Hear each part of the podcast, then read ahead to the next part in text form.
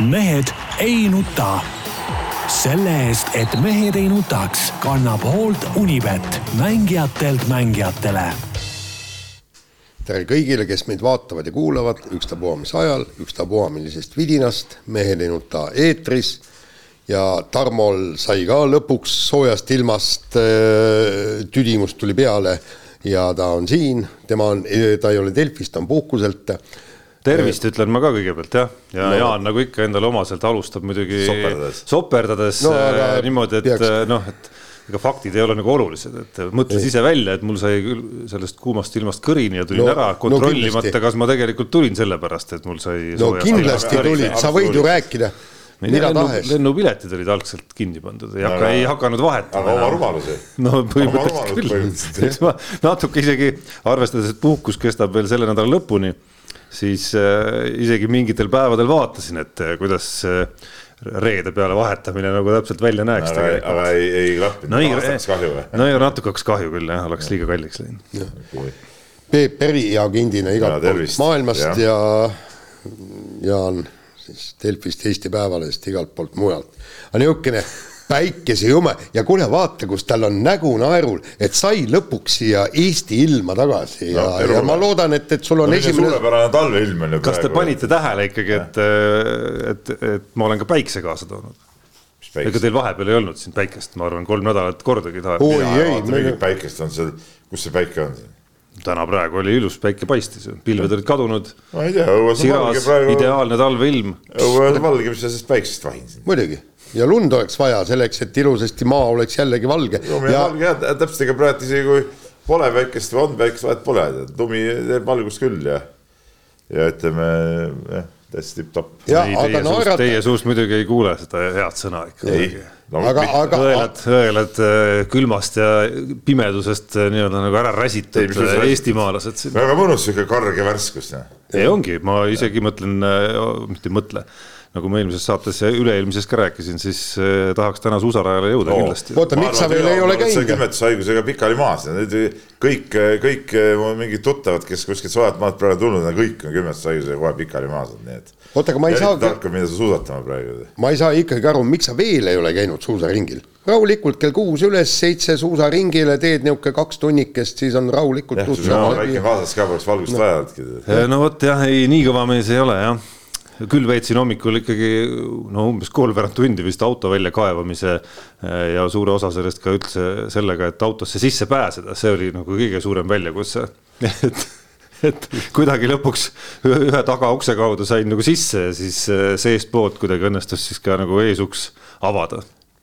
Nojah jõuga, jõu ja jõuga. jalaga tagusid lahti ei, päris jalgu polnud vaja veel appi võtta, aga. ei no aga sa poleks pannud auto soojast ja lõpuks oleks ise lahti sulanud kõike, poleks vaja surudagi. nojah, siis oleks pidanud ootama päris pikalt, oleks sõitma võinud minna jah kuhu sul kiire oli siis? mina panen alati hommikul umbes kakskümmend viis minutit enne väljasõitu panen auto käima, tiksuma õue. Noh. jah ja reostad niimoodi loodust ja pärast on me kõik siin, kliima soojeneb, nagu sa näed, eks no,. mul on männimets seal ümberringi, ma võin julgelt reostada, tead, siin männid seal teevad tagasi kõik. uue auto oled saanud ikka? ei ole veel.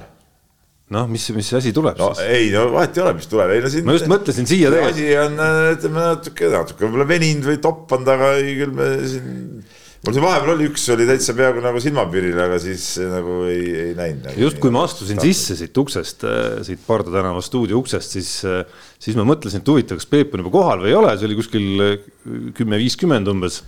no enamasti Peepu muidugi sel kellaajal ei ole siin stuudios ja siis, ja siis mõtlesin ka, et tavaliselt ma tunnen selle auto järgi ära, et viimasel hetkel tuleb, siis pargib siia ukse kõrvale.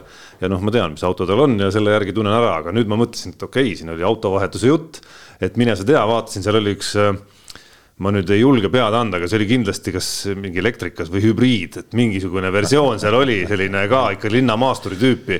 ma ei, ma ei, ma ei julge pead anda, kas see oli RAV4 või see oli isegi midagi veel, veel nii-öelda rohkem, veel rohkem keskkonna nii-öelda nagu ei, Tarmo, sõbralikum. Ja mõtlesin, et ohoh, et äkki, äkki, et see oleks mõnele autofirmale näiteks nagu ülikõva reklaam kui ta Peebu just nimelt saab ikkagi enda selliseks reklaami näoks ja, ja propageerima kõike, kõike sellist keskkonnasäästlikku. alati mõtled, alati mõtled selle, et vaata, mingid inimesed sõidavad ringi, mingi oma, oma nimi on ukse peal või mingi pilt on kuskil. nii ei saa sõita ju seda ma just ootakski. nii ei saa sõita ju, see on ebareaalne, sa pead ju järgima kõiki liikluseeskirju kogu aeg, muidu on kohe mingi jama. siit veel teine väljakutse Eesti autofirmadele. esiteks, see auto peaks olema ikkagi noh, puhas elektriauto, ma arvan. Tesla, Tesla näiteks. no aga okei okay,, leiab ka muid ja, ja, ja teiseks ikkagi ilusti peaks seal olema Peep Pahvi nimi, Keila korvpalli. sa tahad öelda, et. Teslaga sihuke lugu, et üks, üks hea mees rääkis, et talvel sõitis jääpurikad autos, ma ei tea. kas sa tahad öelda, sa tahad öelda, et kui tuleb ikkagi üks autofirma, eh, pakub eh, sinu korvpalliklubile toetust, aga noh, tingimus on ikkagi ka see, et A elektrikas ja B, seal peab olema ikkagi autol ilusti Peep Pahv ja, ja autofirma auto, nimi. autofirma sponsor. ja kõik need kirjad, kõik need kirjad peavad olema ilusti näha seal, siis sa ütled ei või? jah jääme ootama. no mis asja, noh. jah, seda päeva jääme ootama. kummale sa ei ütled, mõlemale? tähendab elektriautole ei. aga kirjadele? kirjadele ka. Selge. aga raha võtad vastu? raha võtan vastu alati raha võtan alati vastu. nii on nii, aga paneme spordiga minema, meil on siin küsimusi palju ja menetleda ja ühte ja teist ja kolmandat ja, ja. ja ma saan aru, et äh, enne kui spordi juurde minna, ma saan aru, vahepeal on, äh, vahepeal on saanud selgeks, et jõuluvana pole olemas. Kaja Kallas on öelnud selle välja siin sel ajal, kui mina ära olen olnud. no ta valetas ju. no minu arust ka. sest mina tean, et ta on olemas ei no on olemas. sest et äh, tulevad ju jõululaupäeva õhtul tulevad ju kuidagi need pakid sinna kuuse alla, no päkapikud toovad, mis ilma jõuluvanata ei saa tuua ju. jah, ja, ja, ja kommid on sussi sees. ja kommid ja sussi ja see kõik on, tähendab selles suhtes, et noh valetas noh. ma ei üldse ilusti tüdruk nüüd valetab otse-eetris. ei, aga tead, seal on teine põhjus võib-olla ka, eks, et eh, kellele toob siis eh, jõuluvana kinke, ainult headele laps, lastele, järelikult Kaja Kallasele pole kinke toonud jõuluvana. ammu. ammu juba jah, et ei mäleta ja järelikult ta pole eriti hea laps olnud ja noh, väga lihtne. no mulle tundub ka, et selles suhtes on küll nagu kole lugu, kahju kohe. mis siis veel koledat vahepeal, on midagi ilusat ka Eestis olnud? Eestis ongi ainult ilus ju, mis siin on siis, koledat pole ühtki asja, ühtki koledat asja pole vahepeal no Peep, võiduga tuleb siia saatesse, siis on kõik on ei, mis võiduga no,. alles ma kuulasin seal viimastel päevadel Äh, reisil olles veel kuulasin, äh, ma ei mäleta, mingil, mingil ajahetkel pesitades seal siinsamas laua taga tehtud korvpalli podcast'i, kus siis üks Tartu klubi esindaja Janar Talts ja, ja Pärnu klubi esindaja Gerd Kullamäe olid siin, mõlemad olid tulnud mingite, otse mingite, mitte lihtsalt kaotuste pealt, vaid ikkagi ja. nagu korralike koslepite pealt või siis lihtsalt väga valusate kaotuste pealt, nagu Tartu jaoks kahtlemata on Keilast jälle nagu saba jalge vahelt äratulek on, on alati selline mõnus, mõnus tagasitee jutumärkides, siis siis Peep vastupidi, kontrastina on siin nagu särab nagu pühade muna. no mis sa siin särad, aga noh, ütleme asjad ei ole viga jah ei, ei no tegelikult eh, no tabeliseis vajab parandamist, ega siin ei ole midagi. sinna me jõuame veel vist. ja, ja sinna me jõuame jah. üldjoontes ma pean ütlema, esimese muljena ikka väga harjumatu on siin kõik veel valgus, kliima, kõik asjad, kusjuures ma pole poodi veel jõudnudki või söögikohtadesse, et siis, siis see tõeline šokk alles tuleb. ja mis mõttes šokk? noh, šokk selles mõttes. ei no kuule, sa oled mingi kolm nädalat said ära nagu oleks nagu ma ei tea, kolmkümmend aastat ära olnud. no ma ise olin ka üllatunud, et kuidagi, kuidagi väga veider tundus, et kusjuures näiteks kui sa, ma ei tea, kas sa oled tähele pannud, kui sa käid välismaal ja rendid auto seal, siis piisab sihukesest nagu kolmest-neljast päevast sõitmisest, et tagasi tulles oma autosse istumine vähemalt esimesed, ma ei tea, kümme minutit tundub kuidagi nagu harjumatu. teistmoodi jah, jah. no tavaliselt, kuna mul rendiautod on tavaliselt ikkagi sõidukad on ju, siis, siis tavaliselt tulles enda autosse on alati mõnus istuda, et istud nagu lõpuks ometi saab nagu normaalselt istuda, mitte ei pea kuskil tagumik vastu asfalti seal nühkima noh. jaa, aga Peep tee seesama süsteem, vaata noh, ma olen see Hertzi kuldliige või mis iganes, eks. No, ei, ei no seal saab igaüks kuldliikmed, see on see, et, et kui sa registreerid ära, hakkad Hertsi sõitma, nii. ja siin on märgitud sinu noh, tähendab nii-öelda eelistused või nõudmised ja mul on siis pandud, et mitte automaat, vaid siis tavaline manuaalkäigukang, eks. ja mis on alati juhtunud, alati on juhtunud see, et, et neil ei ole seda nii-öelda keskklassi autot anda või noh, peaaegu ja siis annavad kraadi kõrgema auto, ma olen seal ikka päris võimsate masinatega äh, sõitnud ja siis äh, teinekord vist paar korda on olnud ka niimoodi, nad vabandavad, et neil manuaali ei ole, aga kas ma oleksin nõus automaadiga, kui nad tõstavad, siis tähendab selle järgmisele tasemele mu auto, et. aga samas... üldiselt on muidugi nii, et, et seda autot, mis nagu ja. sa oled nagu pannud, seda ei saa peaaegu mitte kunagi. no minu kogemused nii rikkalikud ei ole kui teil neli korda vist on selline reis olnud, kus, kus ma olen autot ka rentinud. nelikümmend korda. no te olete käinud rallidel, eks ole, tuleb, koguneb neid kordi hästi palju ja no neljast null on hetkel, ehk siis nagu neljast korrast ühtegi korda pole saanud seda auto, mille ma broneerisin aga ma olen jah viimasest kümnest korrast, ma pakun välja kaheksa korda olen siis äh, saanud. mis see manuaal sinna on märgitud?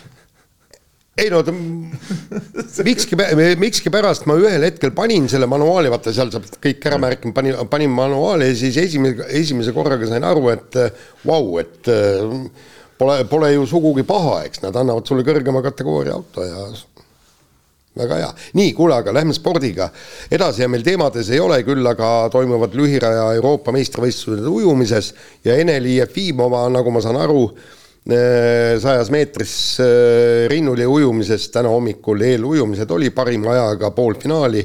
nii et, et tegelikult sealt äh, võib, võib medaleid oodata, kuigi ta võitis ju, võitis ju aasta tagasi ka ju hõbeda juba, et, et, et ta, mulle tundub, et, et siit võib tulla Eesti ujumise ajalugu. no ma võin sulle ütelda, et kui saade juba käis, siis tuli email, et Ralf Rimosov püstitas EM-il uue Eesti rekordi, õigemini kaks uut Eesti rekordit, jõudis kolmanda ajaga edasi. no ei, absoluutselt. et no. siin nagu Eesti ujujad nagu sulistavad päris, päris võimsalt, et. kusjuures see Trebuntsoovi case on ikka täitsa kummaline no,. comeback et. kolm aastat oli vist ära. mitte midagi, aga nüüd, nüüd ma olen ikka aeg-ajalt vestlen, no mul on seal üle Keilas minu kontorist üle koridori ukse taga istub, istub Toni Meier, kes on on ta tervisekeskuse juhataja, ühtlasi ka Eesti ujumiskoondise peatreener ja, ja, ja juht seal, et me ikka aeg-ajalt räägime natuke ujumisest ka ja, ja ta ütles ka, et see Tribunsovi ütleme, ta on väga entusiastlikult on tagasi tulnud ja, ja, ja noh, sealt, sealt võib tulla nagu normaalset asja. no defineeri nüüd ikkagi sissejuhatuseks lühiraja EM-i puhul ka, mis see ajalugu on, millest see Jefimova puhul räägib no, no ajalugu tegu, tegu on ikkagi lühiraja EM-iga. ja ei, kõik on õige, aga noh, tähendab, seal on näiteks, kui juba pole, kuldasid meil ei ole. medaleid on medaleid on jah, aga kuldasid pole ja, ja, ja noh, nii-öelda olümpiadistantsil, eks meil on seal viiekümne meetri medaleid ja, ja, ja neid on võib-olla vaata et rohkemgi, aga, aga nüüd sajas. ja, ja, ja see näitab selget arengut, kui ikka neiu, neiu võtab ükstapuha mis medali, kuigi, kuigi Ruta Meljutitet ei ole siis, kes on äh, selle ala nagu selge number üks, et aga see selleks, et äh, vähemalt arengut on ja olümpiamängud on äh, nüüd järgmine aasta ees. nii, aga räägime nüüd talispordist ja ausalt öeldes oli noh, ainukene, kes, kes nii-öelda mm, silmad rõngasse natukene viis, oli Tuuli Toomingas ja ehk siis oma üheksateistkümnenda kohaga eriti veel pärast vale starti, temal ikka juhtub, ta iga, iga kord on mingi kummalised asjad, kui ta sõidab, aga sai kaheksateistkümnenda koha, aga ülejäänud noh, Kristjan Ilves oli seitsmes, üheteistkümnes, Arti Aigro eh, teisele hüppele ei pääsenud, eh, Martin Liiv oli ka lahja, eks, et üheteistkümnes, kuigi noh, seal on pigem põhjus see, et, et kuskilt maalt on ilmunud mingisugused jaapanlased ja hiinlased ja, ja, ja värgid tema tuhande meetri distantsil ja kõik, et ülejäänu oli noh, nagu kahvatu värk, aga, aga see Tuuli Toominga kaheksateistkümnes koht ja MK-sarja kokkuvõttes on ta ju kahekümne neljas ja tema eesmärk oli kahekümne sekka pääseda. et vähemalt praeguses seisus on see nüüd äh, küll see, mille nimel võidelda ja olla näiteks äh, hooaja lõpus laskesuusa MK-sarjas kokkuvõttes kahekümne parema seas, no see oleks, ütleme, järjekordne Eesti spordi ajalugu. no see oleks päris kõva tulemus, arvestades seda ala konkurentsi tihedust ja seda, kuidas kuidas ütleme, noh, neid naisi, ütleme, kes võivad suvalisel võistlusel ma ei tea, sõita esikümnesse kindlasti rohkem kui kolmkümmend, et noh. no kindlasti. see on, see on nagu selge, eks ole, ja seal võib igast asju juhtuda, et, et aga noh, eh, samas Jaan, ma nüüd muidugi manitsen sind ka, eh, mul on küll Tuuli üle oleks väga hea meel, aga noh, hooaeg on alles nii noor, et. ei, seda küll, jah. siit veel mingeid järeldusi teha on, on väga raske, aga. järeldusi ei tee. aga loomulikult äh, väga vinge oleks, kui see kõik niimoodi läheks.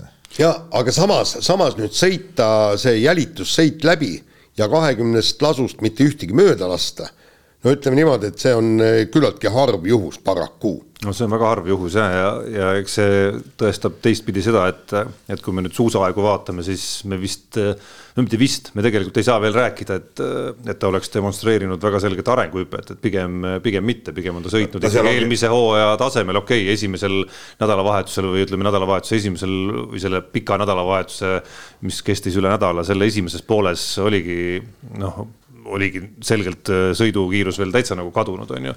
aga lõpuks, ega ta ka sprindis ei oleks ju puhta laskmisega esikümne sõitu veel teinud ikkagi ja et... ma saan aru, et tal ongi nagu mingi, mingi enesetunde teema oli seal, eks ole, et see, ma arvan, et sõidukiirus ongi selle taha jäänud, et see, see tervislik seisund pole veel nii, nii perfektne, kui, kui võiks või peaks olema. just, aga seda kiirust arvestades on ta minu arust võtnud ikkagi üsna maksimumi lähedase tulemuse, õnneks see vale start ei maksnud talle noh, sisuliselt mitte midagi, et maksis ühe koha lõppkokkuvõttes äh, lõppjärjestuses.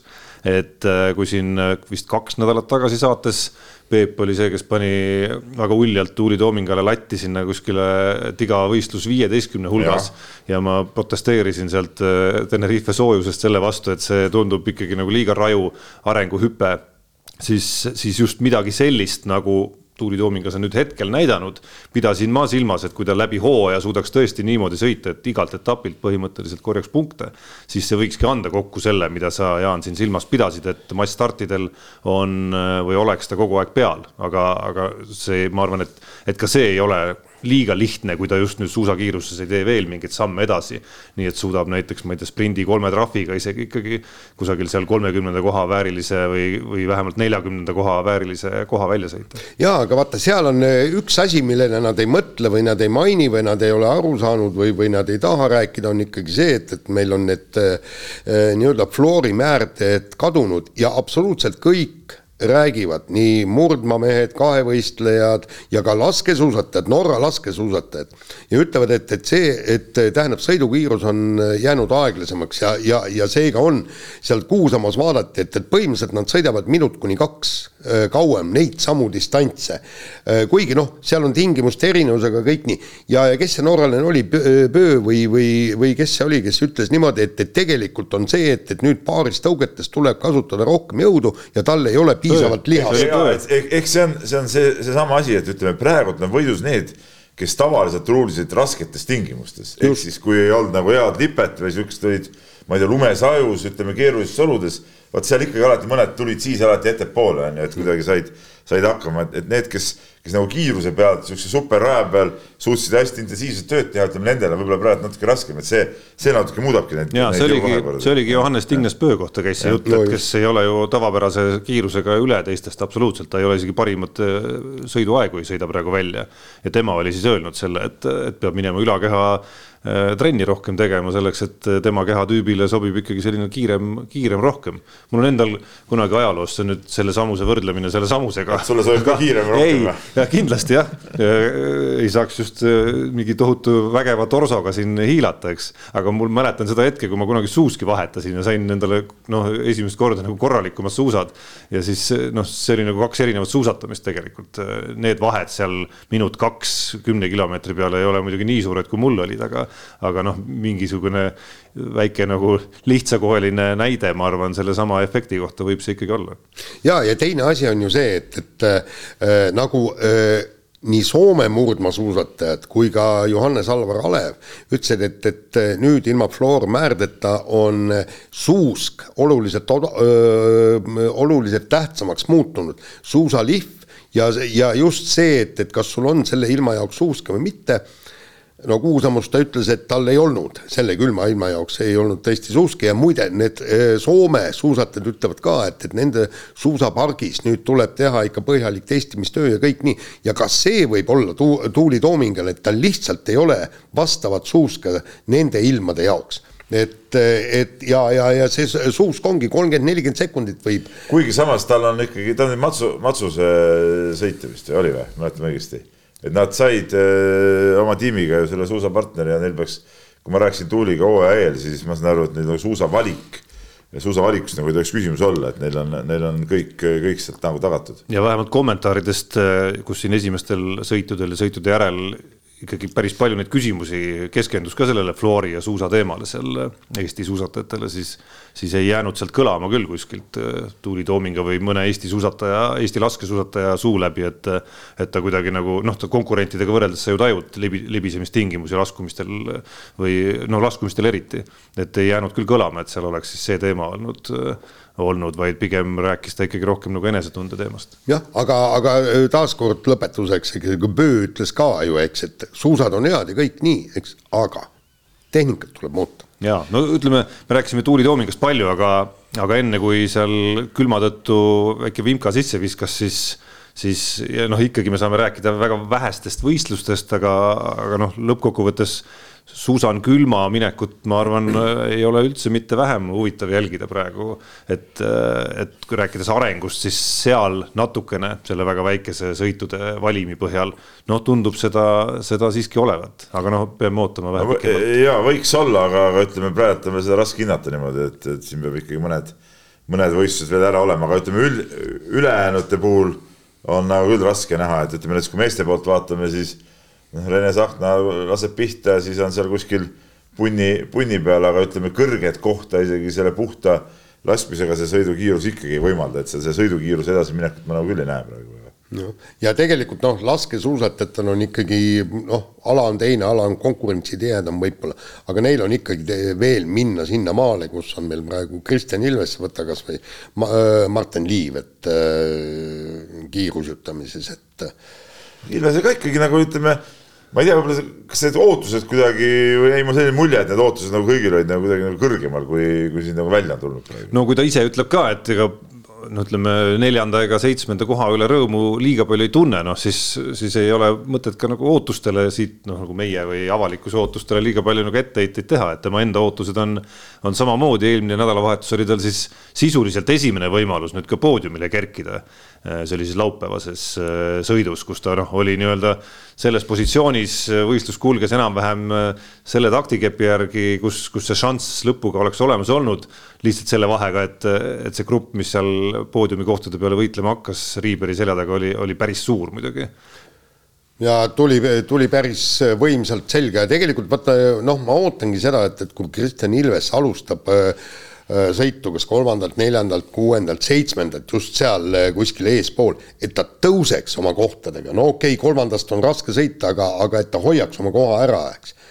ja samas, kui ta nüüd siis, mis ta läks kuueteistkümnendana Äh, läks äh, starti, siis ta suutis neli-viis kohta kerkida. no see on matemaatiliselt juba, juba loogiline, isegi kui sa sõidad mm -hmm. täpselt sama suusakiirusega, et, et pigem on huvitav ikkagi nüüd see, ma ei ole lugenud, kui palju ta ise on analüüsinud seda, minu arust pigem nagu liiga palju mitte Äh, aga ka kommentaator Nurmsalu, Kaarel Nurmsalu juhtis sellele tähelepanu, et siin on kõlanud läbi nende ülekannete ja, ja ka Jaan on seda siin omavahel rääkinud ja ka siin saates laua taga.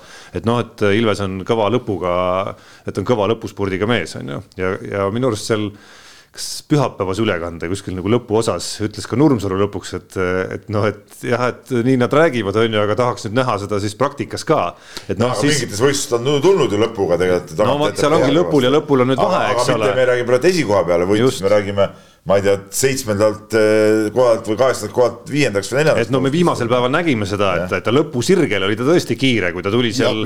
päris suure pundi võttis ära. võttis ära, eks ole, aga ütleme, kui on seal poodiumi eest võitlus suures grupis, kus pannakse seal ütleme viimasel tõusul noh, veri ninast väljas juba kõik seal, panevad, vot siis seal ja. tundub, et küpsetatakse tema see lõpusirge spurt ikkagi ära.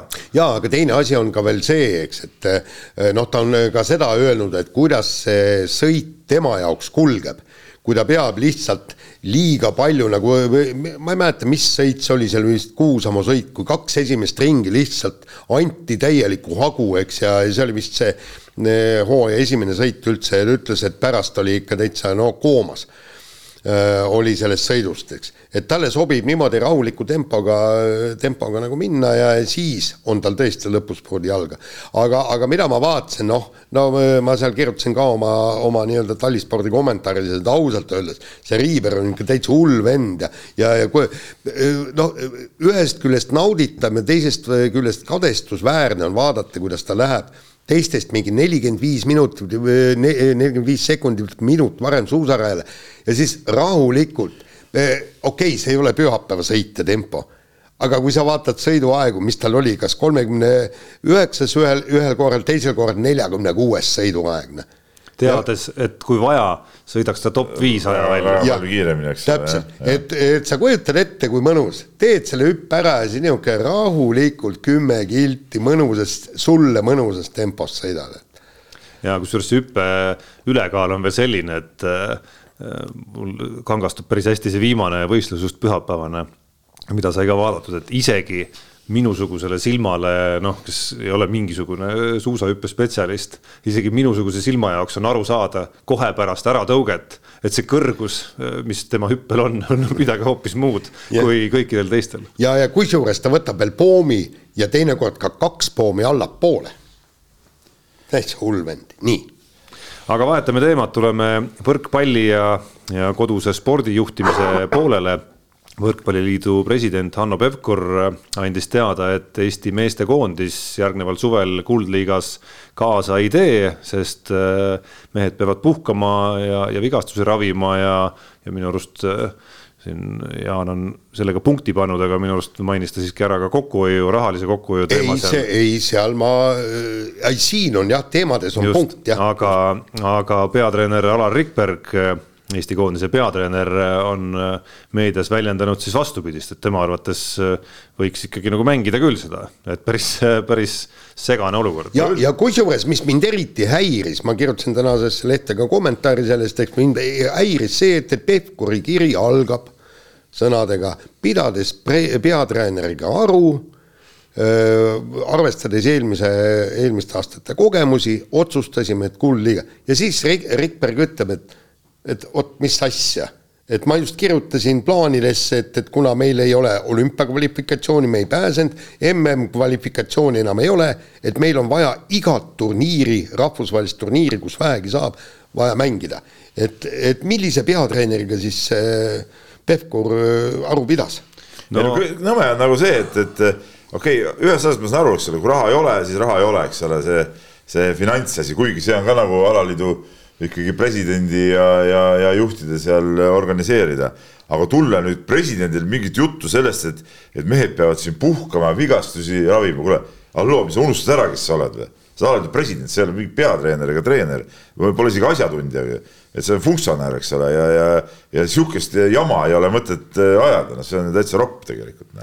No samas äh ma keeldun uskumast ja väikene, väikene nii-öelda teadmine sealt, sealt seestpoolt on ka selline, et ei ole võimalik, et, et peatreeneriga ei peetud aru, nii nagu Hanno Pevkur selles algses lauses ütles, kindlasti peeti temaga aru.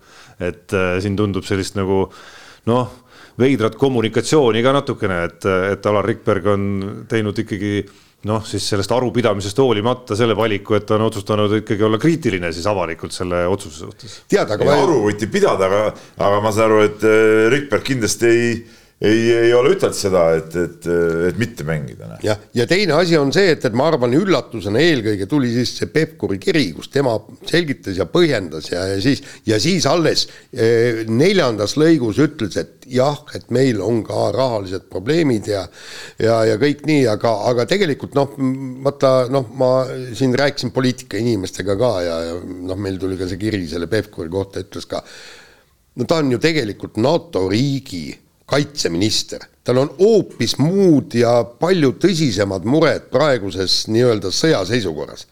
tal ei ole lihtsalt aega panustada sinna no jaa, samas ta on tegelikult tahtnud kogu aeg olnud suur eh, Euroopa võrkpallijuht ja liider ja mis ta on seal olnud, ase, asepresidentki vist oli mingi aeg või kandideeris siin Euroopa selleks presidendiks ka, eks ole, et, et tegelikult ta ju, ta ütleme, funktsionäärina tahaks nagu võrkpalli juures olla küll ja funktsionäärid ongi nagu nagu ilmselt eh, selles asjas eh, päris tubli ja tugev, aga ma ütlen veel kord, et, et, et kas tal on aega panustada või mitte, ta ei saa võtta selliseid otsuseid vastu, mida, mis ei ole nagu tema pädevuses, eks ole. ei no selles mõttes, ei no ikka on tema pädevuses teha selline otsus, kelle pädevus see ei, on siis, ega saab, peatreeneri käes ei ole rahakott, et öelda, et nui neljaks peame minema. otsused vastu lähtuvad rahast, mitte sellest, kas meeskond vajab puhkust või vigastuste ravi, see ei ole tema otsus. aga no mina arvan, et see, see ütleme siis see sõnum, mille Pevkur seal neljapunktilisena või mis iganes välja käis, noh, oligi tegelikult äh, läbi räägitud äh, ma arvan, et ka Rikbergiga koos, et ongi alates nendest puhkuse põhjustest ja siis seda rahaasja taheti sinna kommunikatsiooni mõttes lihtsalt kõige lõppu panna, kuigi see võib-olla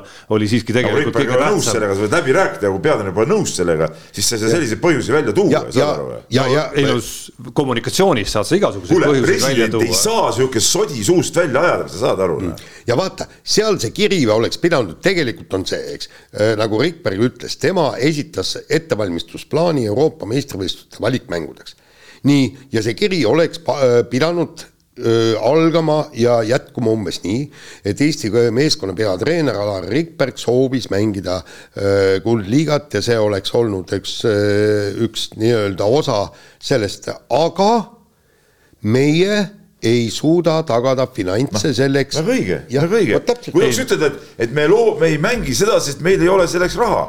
täitsa mõistetav, mõistetav olukord, mõistetav põhjus, praegu ongi rahadega kõigil ju keeruline, väga selge ja, ja konkreetne põhjus, mitte mingit äh, vaidlemist, jah, nõme, raha ei ole, midagi teha ei ole, no ma ei tea, tulge kokku, mängige siin omavahel kasvõi, eks ole. aga kui sa räägid sihukest juttu, no et mingid äh, vigastused ja puhkused ja asjad, see ei ole adekvaatne. ja sellepärast, et me, me oleme ennegi läinud ju noorte meestega, eelmine aastagi läksime no. noorte meestega ja, ja. ja neil on ka Väga vaja, vaja ääretult vaja, sellepärast et nemad ei saa mängida Euroopa valikturniire, aga neil on vaja saada rahvusvahelist kogemust. aga noh, see äh, jutt, ütleme kõrvale siis, mis puudutab Pevkuri juhiks olemist, noh siis eks äh, alati nendel, nendel juhtudel tekib ikkagi see küsimus, et äh, kas, kas äh, tõepoolest on siis kuskil äh, kuskil mingi tohutu järjekord ukse taga nendest äh, võimekatest ja ägedatest presidentidest, kes, äh, kes nii-öelda ootavad ainult oma võimalust, et äh, olla siis see noh, enamike alade puhul Eestis siis jalgpall välja arvatud, olla siis see noh, tänamatu rollikandja, kes peab käsi ees siis mööda maailma ja mööda Eestit ringi käima ja kuskilt noh, ilmselgelt väga keerulistel aegadel need rahasummad siis nagu ja mitte väiksed rahasummad siis nagu välja võluma kuskilt, et et kui see on see inimene kuskil seal olemas võrkpalliringkondades, siis. sellest ei räägi keegi praegu. siis ei no Jaan rääkis sellest, et, et, et Hanno Pevkur eh, oma ministriameti kõrval ja, ja väga see tähtsa ministriameti kõrval veel, et, et vaevalt ta jõuab siin korralikku tööd teha, üldjoontes on ta ju täitsa korralikku tööd teinud seni. no ongi teinud, ma räägin veel kord ja kui ta oleks see raha põhjuse juurde jäänud, oleks ka kõik korras olnud. jaa, aga tegelikult. seoduva põhjusi ei ole vaja tuua no.. no see on üks asi, aga teine asi on ikkagi see, me räägime Eesti number üks pallimängualast praegu ja, ja, ja nüüd see, et, et me. number üks no kes on number üks? ja mille poolest number üks on? no tulemuste finaal. täpselt sama kaugele jõudsid kui korvpallurid ju. ei no võtame läbi aegade nüüd, eks ju. võtame läbi aegade. ei no okei okay,, ärme siia kinni jää. ja, ja ärme siia kinni jää. mõttes me kindlasti ei saa öelda, et võrkpall number üks. miks ei ole? no mis võrkpalli kõrgem koht on EM-il ei no mis kõrgem, palju no, nad on EM. mis ütlesid läbi aegade ju.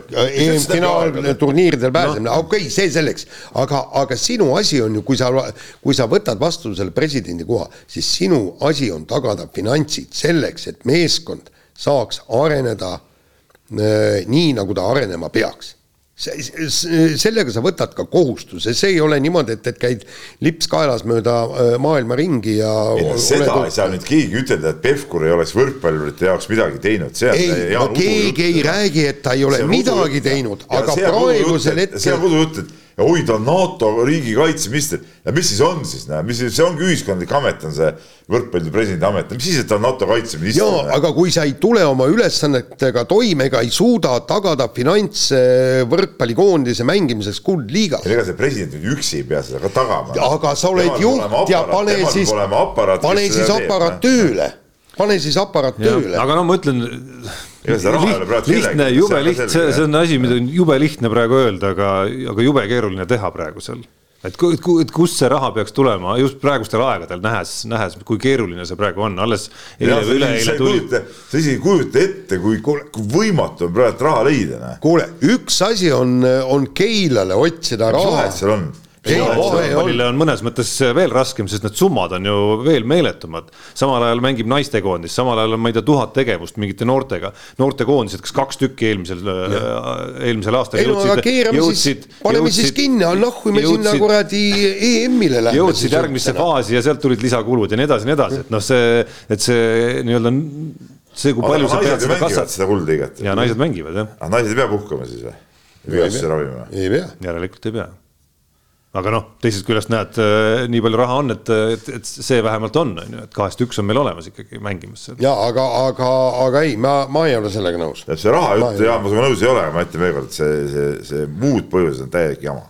nii, aga lähme edasi, Eesti jalgpalli meistriklubi FC Flora on siis teatanud, et nende peatreener Jürgen Henn ei jätka enam ja juba on teada, et ka mõned põhimängijad lahkuvad, Hendrik Ojamaa näiteks ja Ken Kallaste ja, ja kuidagi sihuke eriti see Henni asjast näed, jäänud sihuke väga-väga sihuke kummaline mulje nagu, et, et mis, mis, mis asja seal klubis nüüd aetakse, et mees, mees tõi siin järjest mingeid tiitleid onju, noh vaieldamatult ma pakun välja, et Eesti no ütleme, selle uue põlvkonna treeneritest kõige, kõige säravam isiksus ja, ja, ja säravam treener. nüüd nagu sihuke nagu mingi vaata, et pool pahandusega nagu on see äraminek või sihuke mulje jääb. Noh. jah, ja mitte ainult tema, temal ka ju needsamad Kallaste ja, ja, ja Ojamaa ja kõik nii nagu Enn täna kuskil intervjuus kas äkki Postimehele, kui ta ütles niimoodi, et et lihtsalt noh, tähendab need mängijad lihtsalt saadeti minema et lähevad, lähevad ja ütles, et see ei olnud tavapärane eelmistest kordadest. et alati on nagu, kui, kui mängija on olnud sul tõhus relv, aidanud sul meistritiitlini, suru kätt, kingi kas või noh, ma ei tea, T-särk või lips talle ja, ja saada ta mõnuga minema. aga ütles, mitte midagi sellist ei ole olnud. noh, okei okay,, tahad minna, lähed, okei okay,, head aega, jah noh, kuna need liigutused on toimumas ju üsna vahetult pärast hooaega, siin ju sisuliselt veel äh, on siin lumejalgpalli natuke mängitud veel eelmisel, eelmisel nädalal, et saab öelda isegi, et äh, hooaeg ei olnud läbi. noh, siis, siis tundub väga selgelt, et need noh, ja neid liigutusi Flora mängijate osas või noh, liigutusi, mõned, need on enam, need on ju juhtumid, kus lepingud on lõppenud lihtsalt ja kogu lugu ja neid ei ole pikendatud. ja mõnel on uus klubi ka juba olemas olnud, äh, Ojamaast rääkides, siis noh, tundub, et need on liigutused ja sammud, mis on ikkagi juba päris pikalt äh, klubi eestvedajatel ja, ja manageerijatel selged olnud, et, et sellised ümberkorraldused tulevad alates peatreenerist kuni lõpetades mingi, mingi rea mängijateni.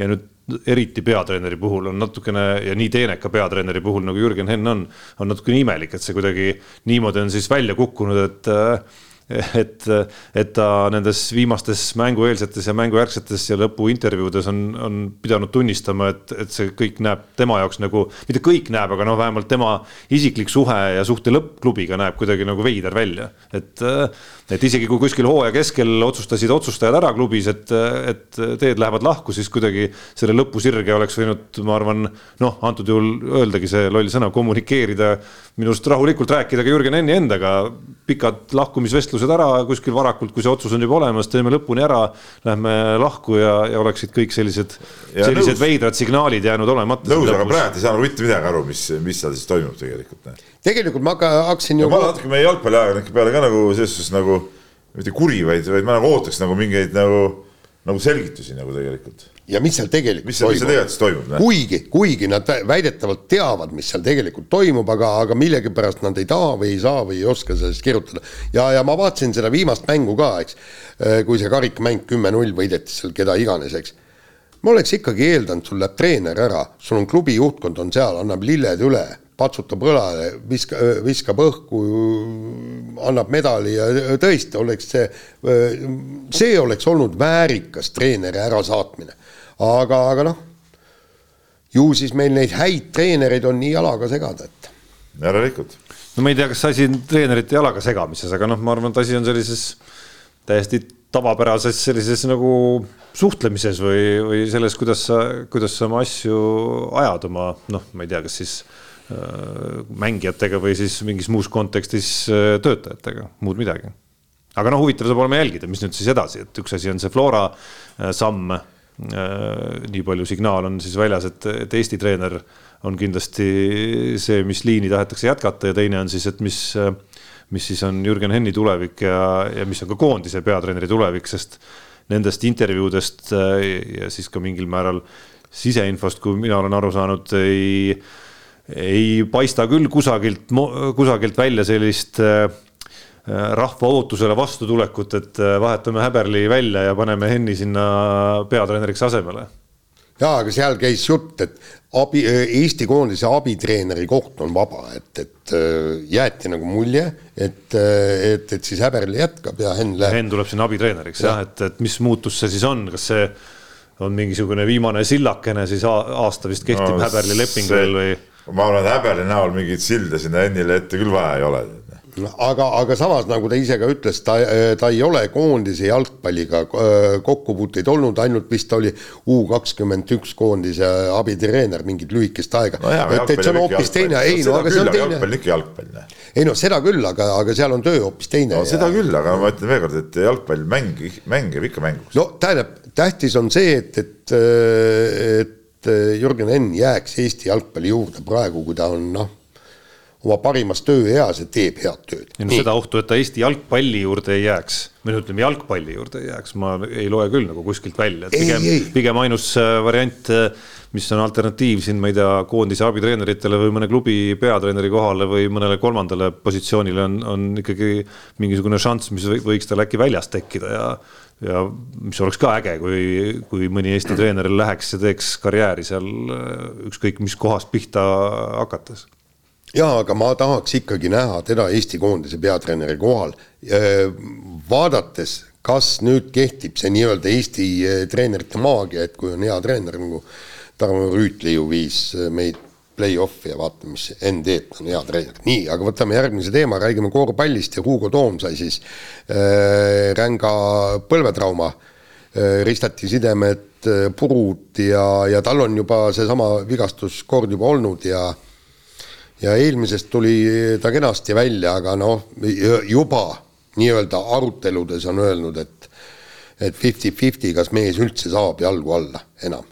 no mis see arutelu arutelu fifty-fifty, kas saab üldse jala alla, noh, ei maksa ju mõnes mõttes nagu midagi. ei, ei absoluutselt ei maksa, aga kas ta on ka siis seesama Toom, kes enne, et, et, et seal olla isegi ma, ma ei mäleta, kes see ka Ristatiga ütles, enam põrget ei ole ja, ja midagi ei ole teha no seda nii-öelda tulevikku ennustada, et Hugo Toomi personaalküsimus siis, et, et kui raske või keeruline on tulla siis kahekordsest ristati sideme vigastusest välja noh, on meil siin laua taga noh, võimatu põhimõtteliselt öelda, et, et ega noh, liiga palju näiteid ei ole üldse ju sellestki noh, nendest mängijatestki, kes või sportlastest, kes on tõesti kaks korda seda vigastust saanud. tõsi, Andre Pärn, ma mäletan, läks, oli, oli kindlasti selles vallas, ma nüüd ei mäleta enam, kas need olid sama jala peal või need olid erineva jala peal Andre Pärna puhul ja noh, saab kindlasti tagantjärele öelda, et, et loomulikult see mingisuguse jälje tema füüsisele jättis. samas ma mäletan circa aasta tagasi Äh, kui Janar Jõesaarel läks, tõsi, noh, mitte nüüd sama vigastus ja mitte sama asjaolud, aga, aga noh, see vigastus nägi mõnes mõttes noh, nagu võib-olla nagu hullem isegi välja, arvestades, et Jõesaar on veel selline nagu eriti lennuka mängustiiliga nagu mängija, siis. no Toom ka on niisugune rabeleja tegelikult. no ta on niisugune rabeleja jah, aga noh, ta ei ole võib-olla see nagu, nagu nii kõrge lennuga võib-olla nagu põrkaja, nagu, nagu on seda Janar Jõesaar ja Jõesaar on tulnud küll nagu uus, nagu üllatavalt hästi tegelikult välja. no ma, ma tasemed muidugi erinevad, aga, aga minul isiklikult on läinud mõlema põlve ristatid katki ja, ja, ja siis ma mängisin veel seal kuskil mingit teist liigat ja asju ja, ja tulin ka kaks korda. tõsi, viimast korda ei tulnudki enam tagasi, siis ma olin juba päris vana. aga, aga see on päris ebamugav on muidugi see, eriti kui sul on ja just vaimse poole pealt, et äh, sa hakkad ikka kartma neid asju, eriti kui sul ühel jalal, nüüd on kaks korda näiteks läinud, kui tõesti see on ühel jalal, siis ma kujutan ette, et, et võtmeküsimus ongi see, et kui tal, kui ta nagu vaimus suudab sellest üle olla, no siis äh, siis füüsiliselt äh, noor mees, äh, ma arvan, et ei ole nagu probleemi tegelikult, küsimus ongi selles vaimus, et kas ta, kas ta julgeb enam nii mängida, nagu ta mängib, noh, et see meil on ju, see Janar Soo näide on ju ka olemas, eks ole, selle, mis ta oli kolm korda vist läks, eks ole, ristat, et äh, ja, ja lõpuks jättiski katki, noh, sest et see. kusjuures kahe järel ta veel nagu no, üritas, veel, üritas jah, täitsa jah, veel jah. tublisti. et, et, et selles suhtes ja, ja, ja ma saan aru, et Toom, noh, nii palju kui mina kõrvalt ka olen näinud, on kõva sihuke võitleja vend ka, et, et ma usun, et ta tegelikult äh, ta tuleb sellest äh, füüsiliselt kindlasti välja jah, aga et ütleme, kui palju see alateadvusse see on. ja no tobe, no mõnes mõttes tobe, mis teeb, ma arvan, vaimselt natuke keerulisemaks selle, vaadates seda viimast olukorda, kus ta selle vigastuse sai, see oli ju nagu täitsa tühi olukord, et see ei olnud isegi kuskil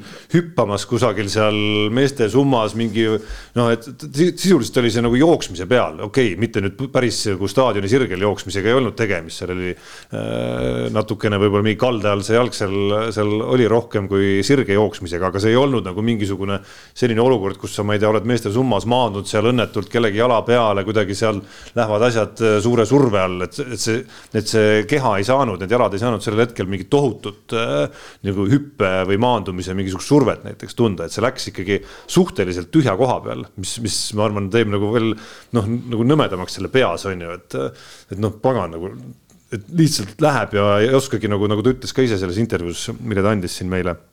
Et, et ei oskagi nagu tagantjärele ka midagi teha, et, et ma tõesti ei teinud nagu mitte midagi nagu valesti ka, et noh, täitsa lampi nagu juhtus.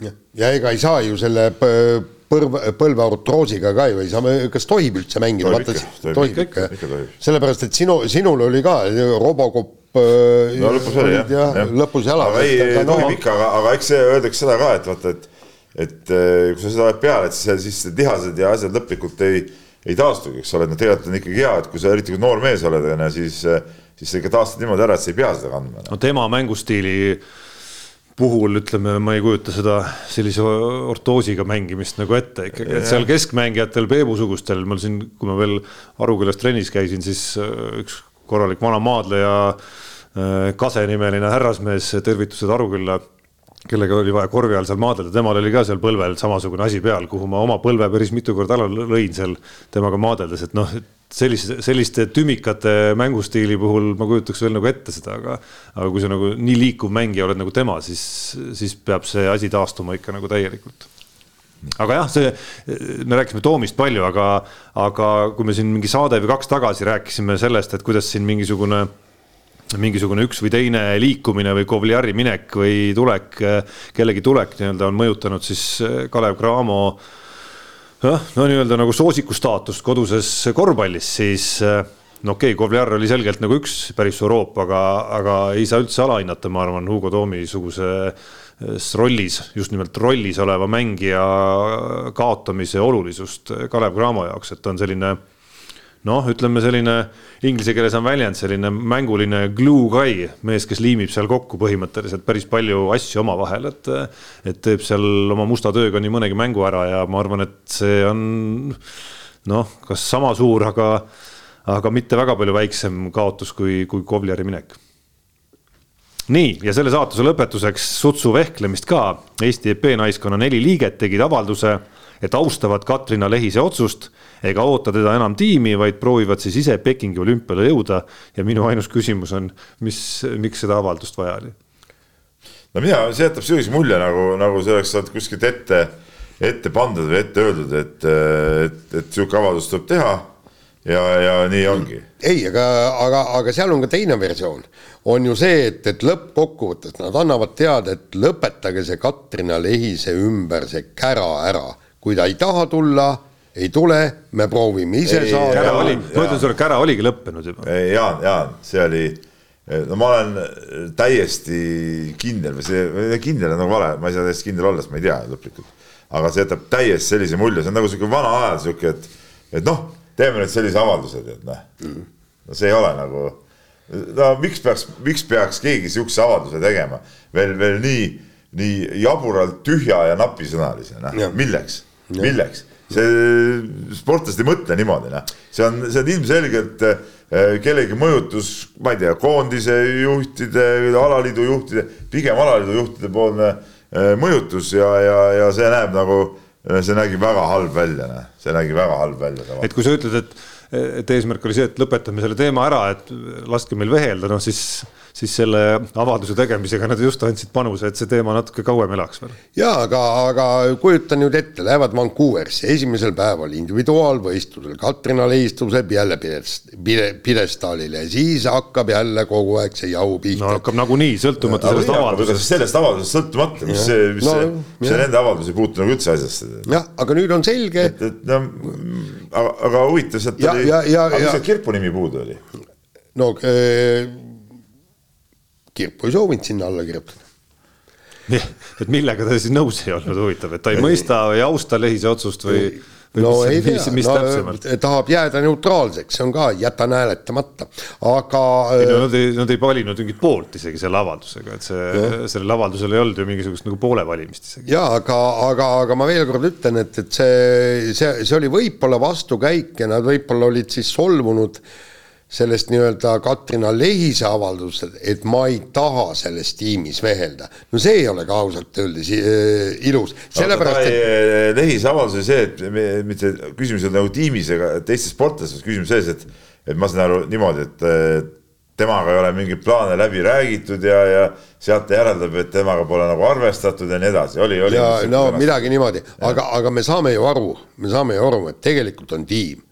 see on tegelikult tiim ja kui me räägime olümpiamängudele jõudmisest, siis on ju see, et äh, me teeme kõik ühiselt tööd selle nimel, et jõuda, tähendab see. aga siis plaanid olid läbi räägitud temaga ka või ei olnud?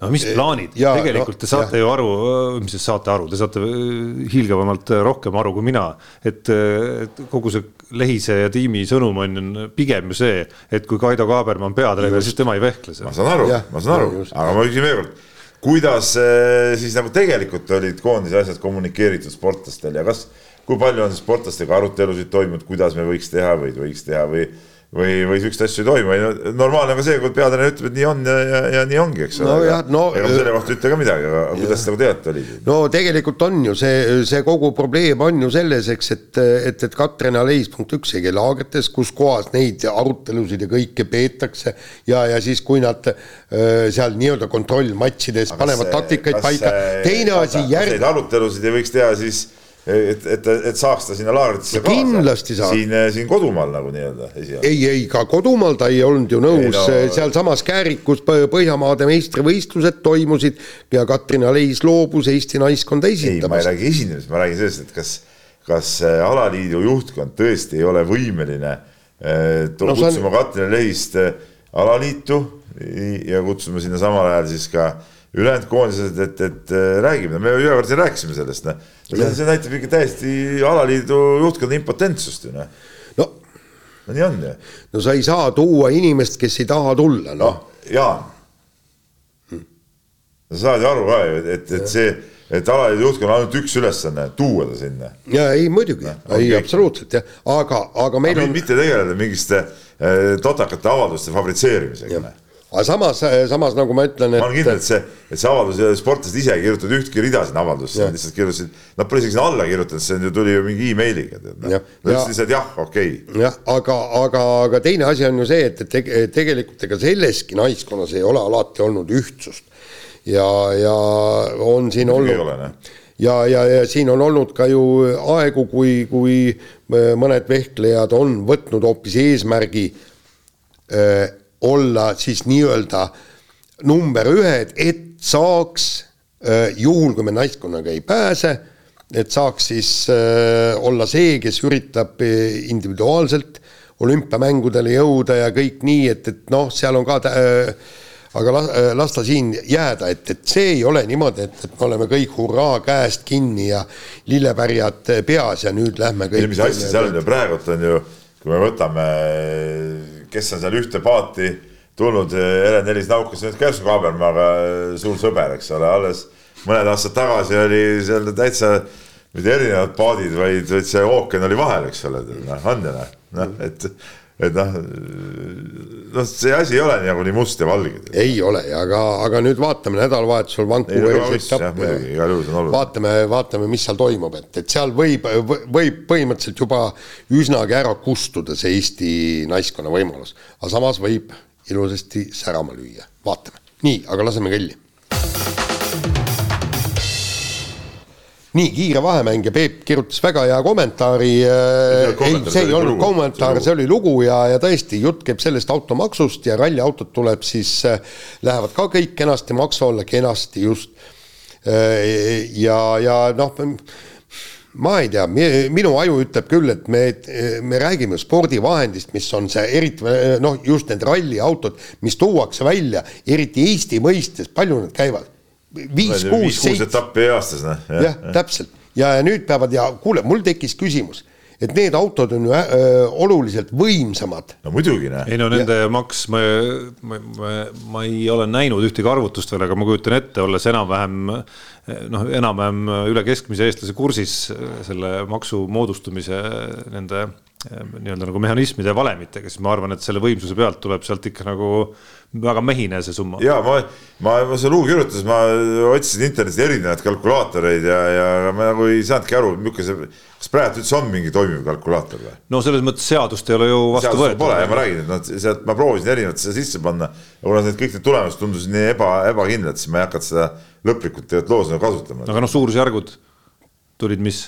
Ma praegu, ma tunnistan ausalt, ma praegu peast ei mäleta. no mul on endal kahtlane tunne, et ikka niisugune tuhat pluss. ei, rohkem tuhandetest, ma arvan, räägime. mis, mis me räägime veel?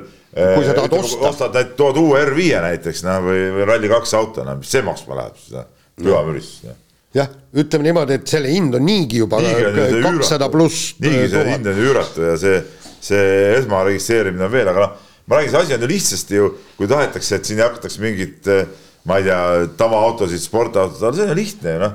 selleks on ju sportautodel need punased äh, numbrid ju, mida, mida praegu kasutatakse, no sellega ju igapäevases liikluses niisama sõita ju ei, ei saa ju kogu aeg, eks ole. see ongi võistluse ajaks ju, võistluse ajaks kiiruskatse, kiiruskatsele sõitmiseks, aga, aga mis, mis, mis veel tuli välja.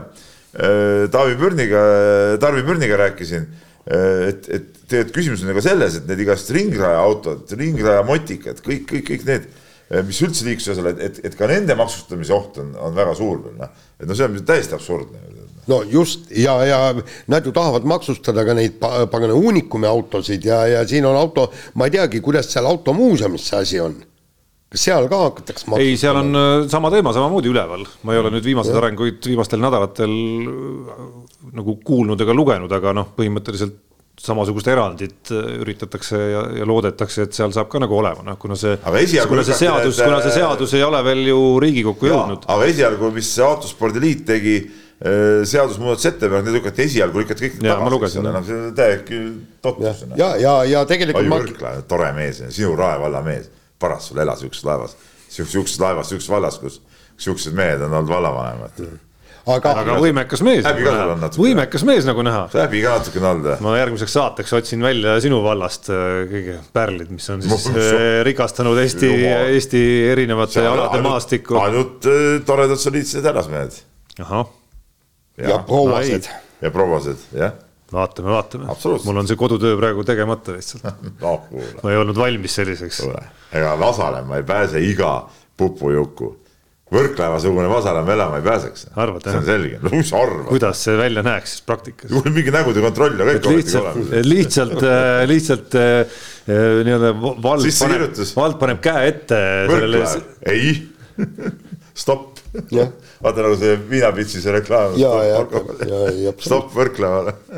ei muidugi, kui ta läheb meeleparanduse teed, siis on uksed avatud tema jaoks selleks peab minema meeleparanduse teed. meil on muidugi vaata. aga nii ei saa, et ta tuleb nagu tulebki teie valda ja siis, siis see sünnib see meeleparandus. Vasalemma külje all seal natuke minna äh, Laitse poole, see Lootuse küla. kui ta läheb seal Lootuse külla, seal natuke meeleparandust seal. no just on teil ka rummud ja kõik. ei, tead rummul ei ole midagi. aga seal. no meeleparanduseks sobib hästi. aa, seal külmas kongis olla, aga miks ka mitte.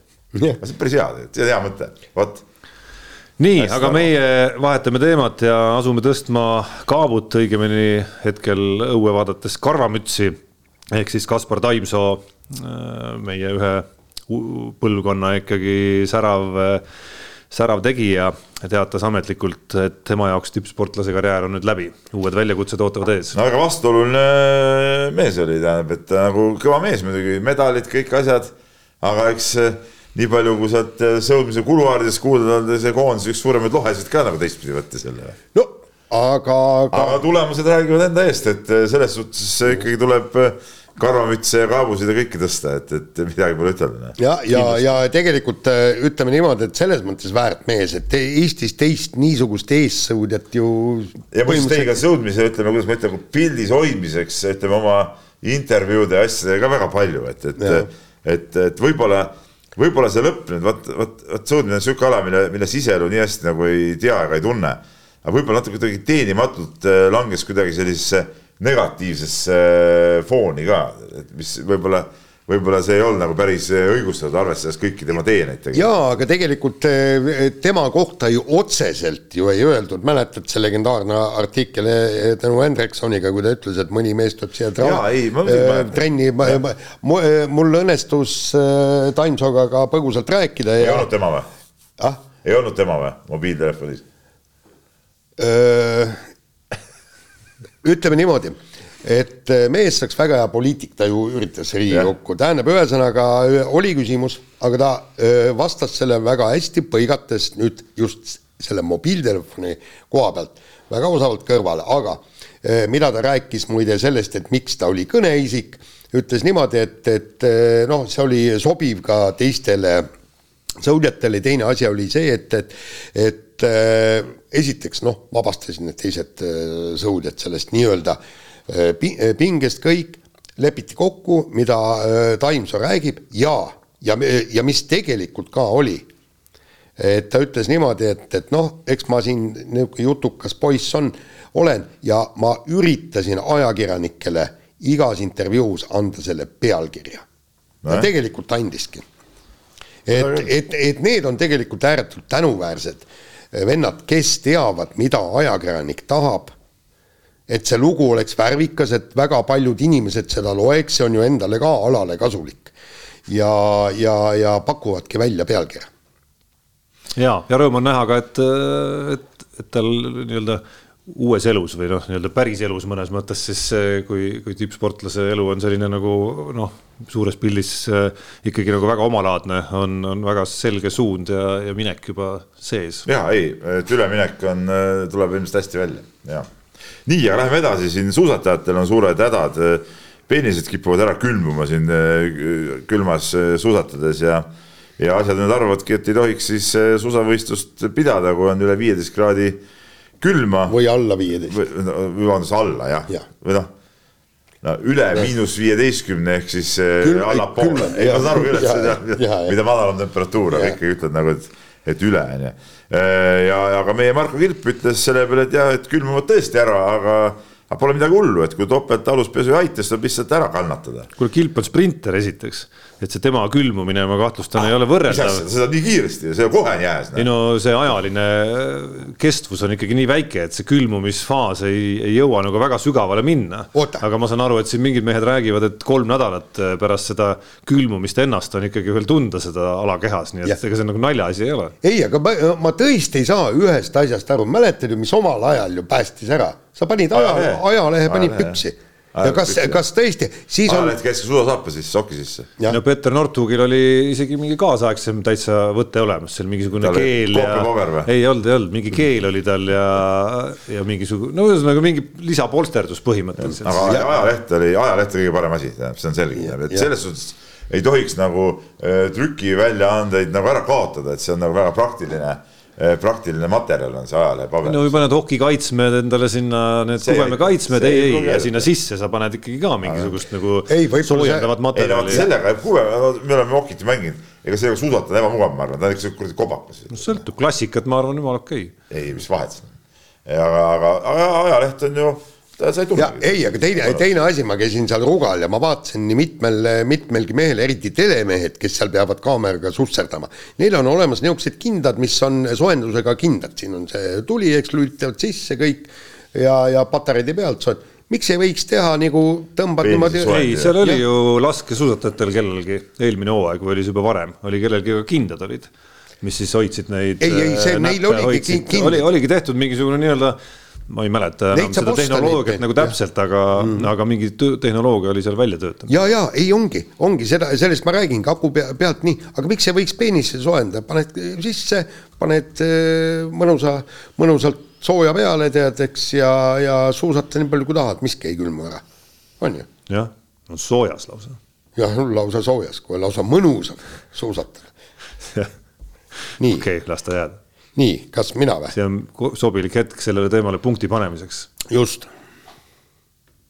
nii, loosite välja jalgpalli Euroopa meistrivõistluste alagrupid ja Eestil teatavasti on ka võimalus EM-ile pääseda läbi äh, läbi siis äh, nii-öelda play-off mängude, kõigepealt tuleb alistada Poola, aga noh, mis see nii väga siis ära ei ole, et, et vähemalt võimalus on olemas ja siis oleksid aast-, alagrupis vastased Prantsusmaa, Holland ja Austria no see on nagu, see on kõige idiootsem äh, teemapüstitus üldse, mis nagu Eesti spordierakond viimasel ajal teinud. no miks? no mis oh,, Jaan no.. no on ju nii võimalik. no võimalik on igast asju, äh, teeme järgmine, kes on, äh, ma ei tea, vaata korvpallis, mis, mis nüüd järgmine turniir tuleb, eks ole, EM-valikturniir tuleb, onju et teeme kohe loo siis, kes on EM-finaalis Eesti võimalik vastane. ei no sa ei saa teha, sest et antud juhul loositi finaalturniiri satsid kule, ära, et kule. sul on võimalik see koht leida. kuule, no ole nüüd, noh.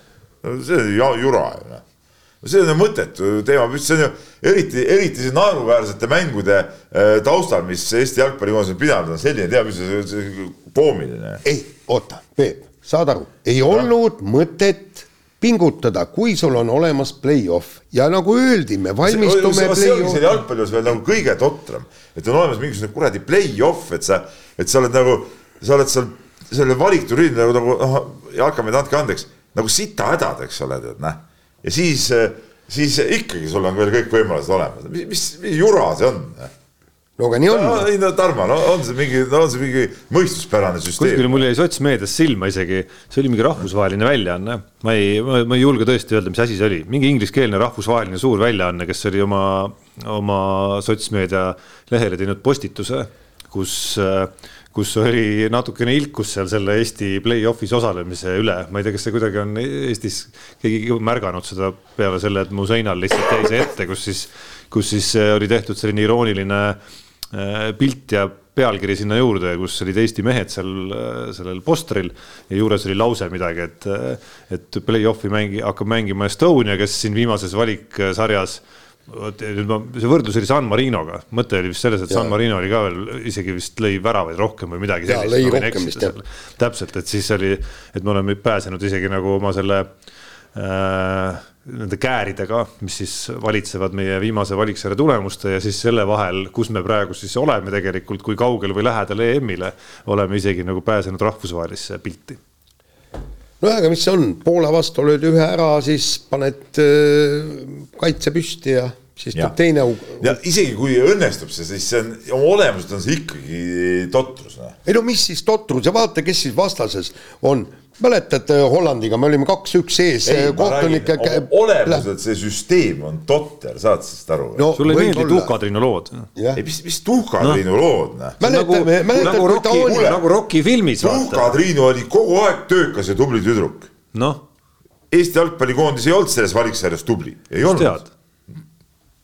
No, ei tulnud välja lihtsalt. erinevalt sinust käisime isegi staadionil mõnda mängu no,. välja ei tulnud lihtsalt, aga ta oli töökas. mäletad, kui rannast korjati Taani jalgpallurid kokku EM-ile ja tuli. see on teine asi, see on teine asi. Nad olid ka sitad no.. ei pääsenud edasi, aga vot see oli.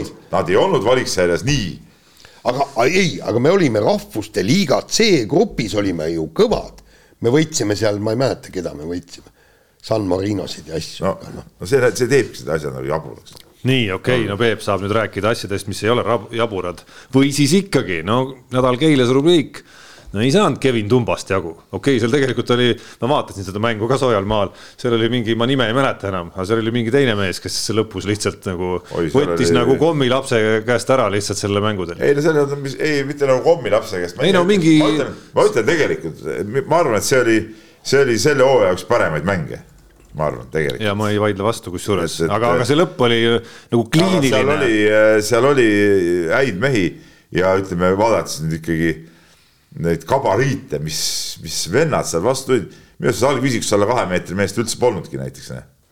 et, et, et seal olid ikkagi väga võimsad kujud ja, ja, ja see Tumba tead mängis ka väga okeilt. ja üldse see oli nagu kõva, kõva võistkond. ainuke asi, millest mul on kahju, et, et taaskord sai kinnitust ikkagi seesama sama teooria, et need, et, et pigem huvitab rahvast ikkagi see, kui sa mängid Tallinna Kalevi või, või Viimsi või Raplaga, kui selline asi, vot see on asi, mis mulle tead nagu pähe ei mahu, mul lihtsalt ei mahu pähe. kui tuleb kohale, no idees on ikkagi Euroopa sihuke noh, korralik sats ju tegelikult, väga korralik sats. Noh. no ma ei tea, kui ma olen, olin nagu lihtsalt Kossu sõber või noh, ma ei ole muidugi lihtsalt Kossu sõber kunagi olnud, aga kui ma oleks lihtsalt Kossu sõber. No ma ei tea, ma küll läheks vaataks seda võistkonda, no see on huvitav huvitav, et näeb minu enda kutid siin, siin Eesti, Eesti võistkond, ma ei ütle, et mingi Keila rahvas peaks, ma igalt poolt võiks tulla, eks ole, neid. et mängivad siukest, siukse vastasega, aga saalis oli meil sisuliselt kõige väiksem publiku arv sel hooajal. et, et, et see on nagu et see on nagu naljakas. jaa oli..., aga Peep, ma tahan öelda. muidugi see... päev oli kehva, ma tean. seda oli visuaalselt ka näha ja kusjuures. õhtu meile ei sobi muidugi. kusjuures ma ei alahindaks seda, et Tallinnas oli ka samal ajal Kalev, Kalev Cramo mängis, et ma ei, ma ei tea, kas, kui hästi teil endal see teadmine olemas on, aga, aga ma kujutan ette, et noh paarkümmend, mõnikümmend inimest täitsa on sellised, kes, kes ikkagi Tallinnast käivad ka. huvitav ongi see, et meil on kaks euromängu on olnud kodus ja need mõlemad on olnud selgelt väiksema publiku arvuga aga ma ütlen, et mõlemad on toimunud ka teisipäeval ja teisipäeva õhtu noh, ei ole, ütleme kindel, kindel laks on see, kui mängime reede õhtul, siis nagu inimestele sobib, pärast minnakse pubisse edasi. pühapäev on ka teil. ja pühapäev on meil ka suht okei okay, nagu olnud, aga ei see kolmapäev, kus meil on ka mängupäev nagu tegelikult ja siis need euromängud, mis on teisipäeval no need ei, need ei tööta niimoodi. ja aga Peep, ma tahan öelda just seda, et, et kui te sel, selles liigas, teil on nagu vii, nii-öelda viimane põhiturniiri mäng, et võimalus pääseda play-off'i et ma arvan, et siis tulevad inimesed äh, ka vaatama. võib-olla, et me, me olime nagu saanud enne võiduga alla, et selles suhtes nagu noh, oleks, äh, ma nagu ise, ma kartsin, et see muidugi läheb nii umbes, aga, aga, aga ma oleks nagu lootnud, et, et võib-olla natuke tuleb rohkem rahvast, aga, aga ei, ma ütlen, et see õhkkond ikkagi oli nagu mõnus, kes seal kohale tulid ja, möll oli tegelikult korralik ja, ja, ja mäng oli ka, ma, see oli, ütleme, kui ma võtan nüüd ütleme mängud, mida ma see hooaeg olen nagu ise nautinud, oligi, ütleme see Tartu võit, eks ole ja siis, siis ütleme kodumängudest seesama Lies ja siis ütleme eurosarja karjääri esimene võit, eks ole. Äh, valmis, ütleme, need on võib-olla kolm mängu, mida ma sellest hooajast kõige rohkem olen, olen nautinud ja ütleme mänguliselt see Liesi mäng oli, oli üks, üks nagu mõnusamaid tegelikult. no tegelikult. Enda asja sees olla. tegelikult üks võib-olla kõige nauditavam mäng oli hooaja esimene, kus Viimsile tuul alla tehti ei olnud nii Peep? ei, see oli äge mäng. oli jaa, minu meelest ka jah. kas sa ei naut-, nautinud seda mängu või? ma küsiks, kas Jaan, kas ilma ilma nende valgete asjadeta on parem siin edaspidi rääkida või? ei no aga mis on, noh, sinu meeskond ju võidab. väiksed valged tükikesed. no see on kohe füüsilise vägivallaga. kas see on parem siin edaspidi saates? no see on, see on ilmselge märk, Peep, et sa kuidagi praegu nagu kaotasid selle verbaalse väikese duelli ja asud kohe vägivallaga ähvardama. mingit verbaalsust polegi, jõud on see, mis maksab. no selge. nii, laseme kõlli Unibetis saab tasuta vaadata aastas enam kui viiekümne tuhande mängu otseülekannet. seda isegi mobiilis ja tahvelarvutis. Unibet, mängijatelt mängijatele. Nonii, minul eh, ei ole selles rubriigis midagi rõõmustavat rääkida eh, nagu ma eelmises saates ütlesin, eh, siis olin ma juba nii-öelda uue nädala panuse ära pannud, selle ma kaotasin. ilmselt viimane kord, kui ma ei ole, me ei ütle midagi. ilmselt viimane kord äh, tahtsin öelda, kui ma lähen äh, Kalev Cramo vastu panustama, see oli see VEF-i mäng, seesama õhtu. Äh, sinna see läks, aga noh, see selleks, läheme, läheme pea püsti edasi, neljasaja viiekümne peal olen mina meie Unibeti kontol no,. vaata, mul eelmine saade. sul jäi mingi vägev rivi jäi sul üles. ei, mul ei olnud vägev, mul oli kahene, kahene rivi, see tõi võidu. natuke kasvatasin summat, kolmsada viiskümmend kuus on nüüd ja täna tahtsin saate hakata panema, aga aga Tšehhi mehed täna tukkusid ja Toho. see esimene matš algas, no see näitas, et eh, matši alguseni oli mingi viisteist minutit ja siis, siis ma unustasin ära, mõtlesin, et viies minuti pärast lähen külje peale tagasi, aga mul tuli praegu alles meelde, aga ma juhin tähelepanu, et on tekkinud siia ka mingi Challengers series lauatennise alajaotusesse, et. et oli... no kas küsimus on, kas sa jääd nagu Tšehhi Tšehhi kohaliku pro-liiga, ma juhin tähelepanu, liiga pro on liiga tegemist. pro, liiga pro, aga ma ei näe seda teist, mina näen, et see liiga pro. sa pead refresh ima lehte võib-olla, et siin on täitsa, täitsa olemas. mäng või? jaa, Daud äh,, Tšaib, Daniel Rindereri vastu hetkel on mängimas. pingpongi. pingpongi, just nimelt. niimoodi, ahah, jah, on tõesti on tõesti. aga nüüd sa pead need uued vennad ka nagu endal selgeks tegema ja siis. aga mis, kus see, see toimub siis, ma ei tea, niisugused võõrad, võõra kirjapildiga nimed ju. täitsa võõrad jah.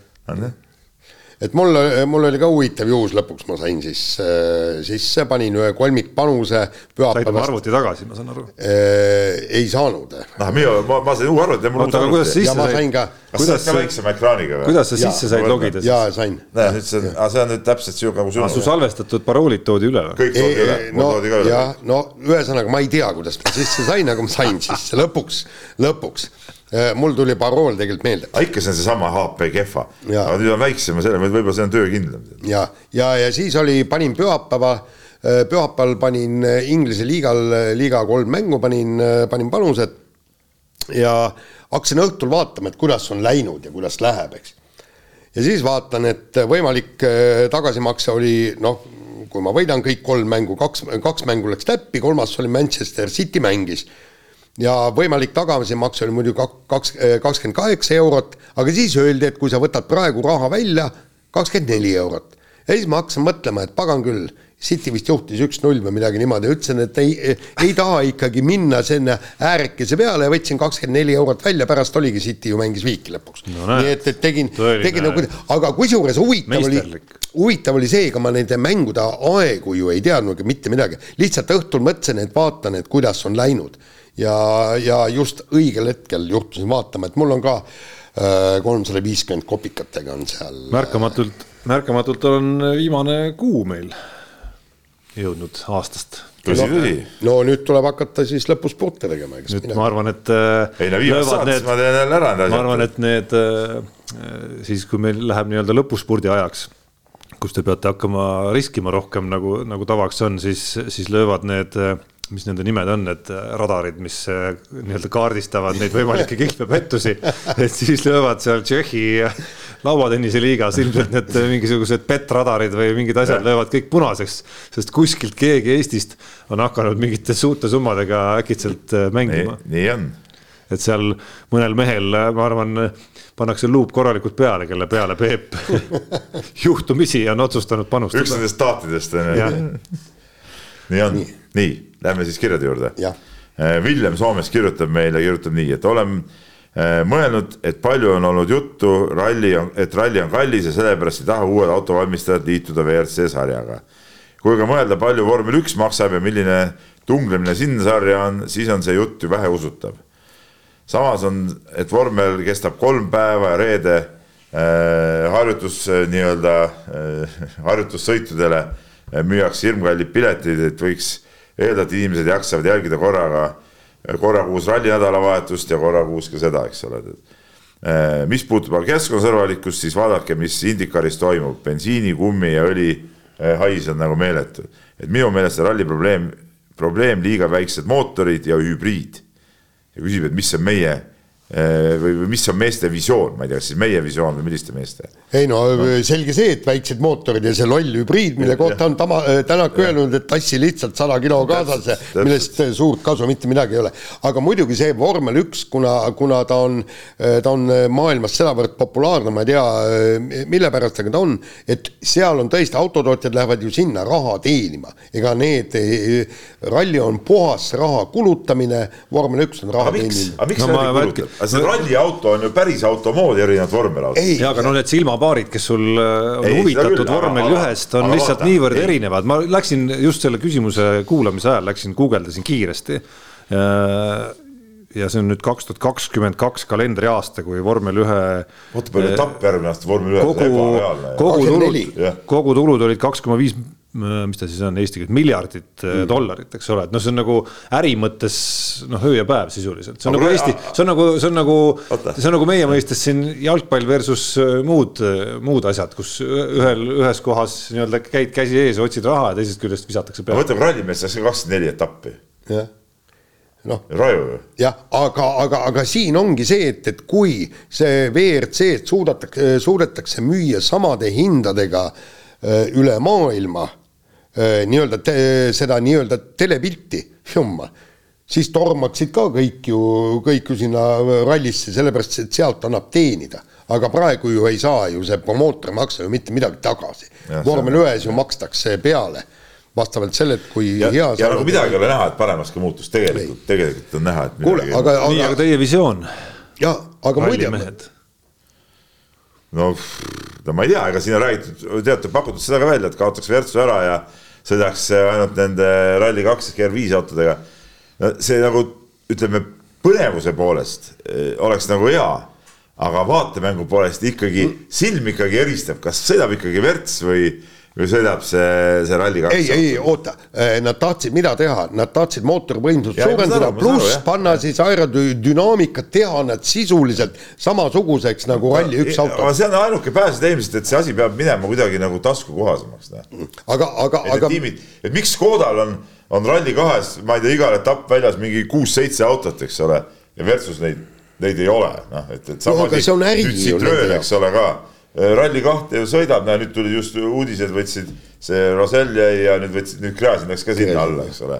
ja, ja, ja, ja neid on ju veel, eks ole, et aga, aga päris versus neid ei ole. Noh. no jaa, aga, aga see Rally2 on puhas äri no, ja see äri, oli ka jah. põhjus muide, miks Toyota endale selle Rally2 auto tegi, sellepärast et neid hakatakse müüma ja, ja ma rääkisin veel seal Tommy Mäkineni aegadest, kui oli, kui oli eh, Tommy Mäkinen tiimijuht, siis ma hakkasin, küsin ka, et no milleks teil seda vaja on. Vend ütles, see on puhas äri, sa tead, kui palju on vaja maailmas neid Rally2 autosid, kõik tahavad ümber maailma osta, aga turul neid ei ole. Ja, ja sellepärast tuuaksegi turule, seal on ju Škoda, äh, Škodal on ju, ma ei tea, mitmeaastase järjekord, täpselt sama on ju ka, äh, on ju ka Toyotal, ta on juba ammu ette ära müünud esimese, esimese kahe aasta autod, eks. on. Aga noh, üks asi on see kulude pool, teine asi on, et suurem areng saab sündida ikkagi sellest, et need tulud kasvavad, ehk et rallisari saab populaarsemaks. Silmapaare lihtsalt tuleb kümnete, kui mitte sadade miljonite kaupa juurde sinna, et see saab olla nagu nii-öelda nagu suurema hüppe jaoks suurem hüppelaud, nüüd on küsimus ja see on nüüd miljoni või õigemini sada, saja miljoni või miljardi küsimus, et kuidas seda siis saavutada. sul peab olema rohkem piloote, see peab olema põnevam, rohkem ja. konkurentsi, nii edasi, nii edasi. ja aga, aga vot siin ongi mõttekoht aga tegelikult FIA-l on ju savi, nemad teenivad oma vormel ühega selle papi ära, aga aga, aga ma veel kord tuletan meelde, et olid ajad, kui ralli oli populaarsem kui vormel üks ja siis hakkas see vormel üks kogu aeg lähenema, lähenema ja sa mäletad, Peep, veel kahe tuhandendatel aastatel oli alati nii, et vormel üks ja ralli ei, ei olnud. ei olnud ühel nädalavahetusel. ühel nädalavahetusel. see oli veel, ma pakun veel viis-kuus aastat tagasi oli niimoodi juba. jah ja ja, ja, ja nüüd on vormel ühel täiesti Täies savi, savi. ja, ja sellepärast enne oli ju see ka, vormel ühel oli ka kasulik, et ja. ei ole ralli nädalavahetusel, kuna need ralli fännid siis vaatasid vormel ühte. ja, ja muidugi, muidugi, nii, aga üks eelmise nädala võtmata kiri, Punane kurat kirjutas meile siin Jaani personaalküsimus tuleb muidugi arutusele, Jaani Rugal käik. nii, et Jaan käis siis Rugal mäletatavasti, siin on sellest juba kaks nädalat möödas.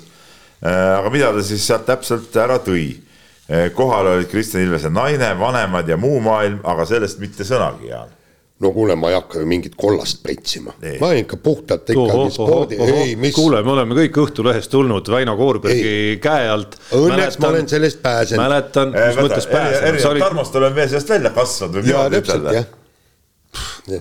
jutt või asi.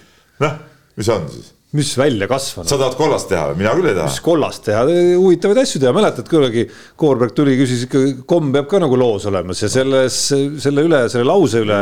ja, ja väga huvitavad lood. selle lause üle võib äh, natukene nagu ironiseerida, aga tegelikult on selles lauses täitsa korralik iba olemas. aga mis komm see on, et kellegi naine oli võistlusel? ei no okei okay, jah, see jah, okei okay., see võib-olla ei ole jah, kõige parem ja, näide, see ei ole antud ju jah, kõige parem näide võib-olla, aga ütleme mõte selle kohta, kuidas nii-öelda nagu lugu lood peab olema nagu iva, mitte, mitte need lood, mida me kunagi nägime, kus ütleme sellisest äh, äh, suvalisest mängude õhtust ükskõik millises suvalises liigas võis teha nagu pikki-pikki lugust, ilma et seal otsa käärt ja konkreetselt nagu ei, fookust oleks. aga miks ei võiks tulla tagasi see mänguvoorude ülevaade? ma arvan, et see ei ole huvitav lihtsalt. et meie ülesanne on lugejaid ka haarata siiski. nojah vot vanasti vist keegi näinud mänge, siis see on nagu aktuaalne. Võib-olla peaks neid ülekandeid vähemaks võtma, näitama ainult Keila mänge nii, aga vot see kiri läheb veel edasi muuseas muidugi, Jaan. et selle, selle asemel lugedes hoopis Jaani kommentaari, kuidas kolm suvespordiala startisid ja nii nagu varemgi, nagu poleks suve vahel olnudki. ainult, et kolmest alast kahe valitsejad ehk Granerud ja Kläbo on nüüd lihtsurelikud. ehk siis ikkagi kolmest alast kahel on tegelik tipp muutunud, küsitakse. no jutt käis sellest, et norralased valitsevad edasi, vahet ei ole, kas Kläbo, Kläbo on või mitte. ma arvan, et see on natukene laiem pilt ja, ja Granerudi puhul see oli nagu üldpealkiri, Granerud ja Norra suusahüppajad on tõesti kummalisel kombel täiesti pekki omadega läinud ja, ja võtke nüüd, pange nüüd ennast sinna äh, Marti Aigo. Arti Aigo. või Arti Aigo sabastesse. Läks Soome koondisest ära, läks Norra koondisesse, et hurraa, nüüd on palju kõvem värk ja kõik nii. ja nüüd on soomlased hakanud vaikselt tõusma ja Norra on ikka tõesti kukkunud tonti. ongi Aigras ongi viga, et on tõmbab alla seda taset. oota, kes see oli see võrkpallur, kes, äh, kes ta tuntud, kas ta oli telemees ka veel lõpuks, Tammar? Tõnu Tammar oli küll võrkpallur, jah. ta oli, kas tema ei öelnud see, et jube kahju, et, et ma kuuekümne seitsmendal aastal võrkpalliga ära lõpetasin, et oleks ka kuuekümne kaheksandal liidu meistriks tulnud. selle peale siis öeldi, et sellepärast me liidu meistriks tulimegi ära lõpetasid nii on jah. nii, aga äh, veel üks kiri eelmisest nädalast, Markus kirjutab meile ja ja et me rääkisime siin äh, ühes saates ootustest ja lootustest välisportlastele. Äh, aga, aga me jätsime rääkimata siis sellisest sportlasest nagu Eestit esindavast skeletonistist Tarta Esteresuntest, see on siis lätlanna. et mis te tema aga sellest me rääkisime. selle kirjas. noh, kuidas nii? no aga kuule, nädal ka mööda. räägi uuesti, on ta sõitnud vahepeal? ei ole, vaatasin järgi, just toimus MK-etapp, aga teda ei olnud kahjuks kohal, nii et jah. küll Peep on ikka täitsa udu ju. Ei no kuule no,. mis sa, mis sa ütled vanema kolleegina? kuule. käib siin saates, meeles tal ei ole, millest me räägime siin. kuule, Tarmo, saad ka nii vanaks kui meie ei no sina mälet-, sina mäletasid, et me rääkisime. ei no see oli juhus. see oli juhus muidugi noh. mul on see ta, tavaline asi. vaba loe, nagu öeldakse see on tavaline, tavaline asi, et, et kui ma ühtäkki avastan ennast poe uksel, siis ma mõtlen, kurat, kas ma tulin poodi, hakkasin poodi minema või hakkan sealt tulema, siis ma pean koti lahti, ostetud ei ole midagi, selge, ma pidin poodi minema. mul on täna selline asi, hommikul ma kuskil peale kaheksat jõudsin juba sinna oma kontorasse ja. ja kontorasse hakkasin siis äh, raamatupidajale ühte meili. peakont-, peakontor ütleme klubi peakontor jah. hakkasin raamatupidajale ühte meili saatma, tuli üks telefonikõne. Ja rääkisin samal ajal telefonikõne ajal, ma arvutist äh, liigutasin nagu, et mul läks see kiri eest ära. lõpetasin kõne ära ja siis mõtlesin, kurat, ma ju tegin midagi, aga mis ma tegin mul mingi asi jäi pooleli ja siis ma mitu minutit mõtlesin, mis asi mul pooleli jäi või mida, mingi jama, ma mingi mm. asi jäi pooleli. lõpuks tuli meelde, et ma saatsin seda emaili, et ma pean selle ära, ära kirjutama, ära saatma. no mis seal selles ei ole ju midagi tegelikult erakordset, ega aju liiga hästi ei tegelegi saja asjaga korraga. no jaa, aga nädal aega on pikk aeg, et meeles pidada.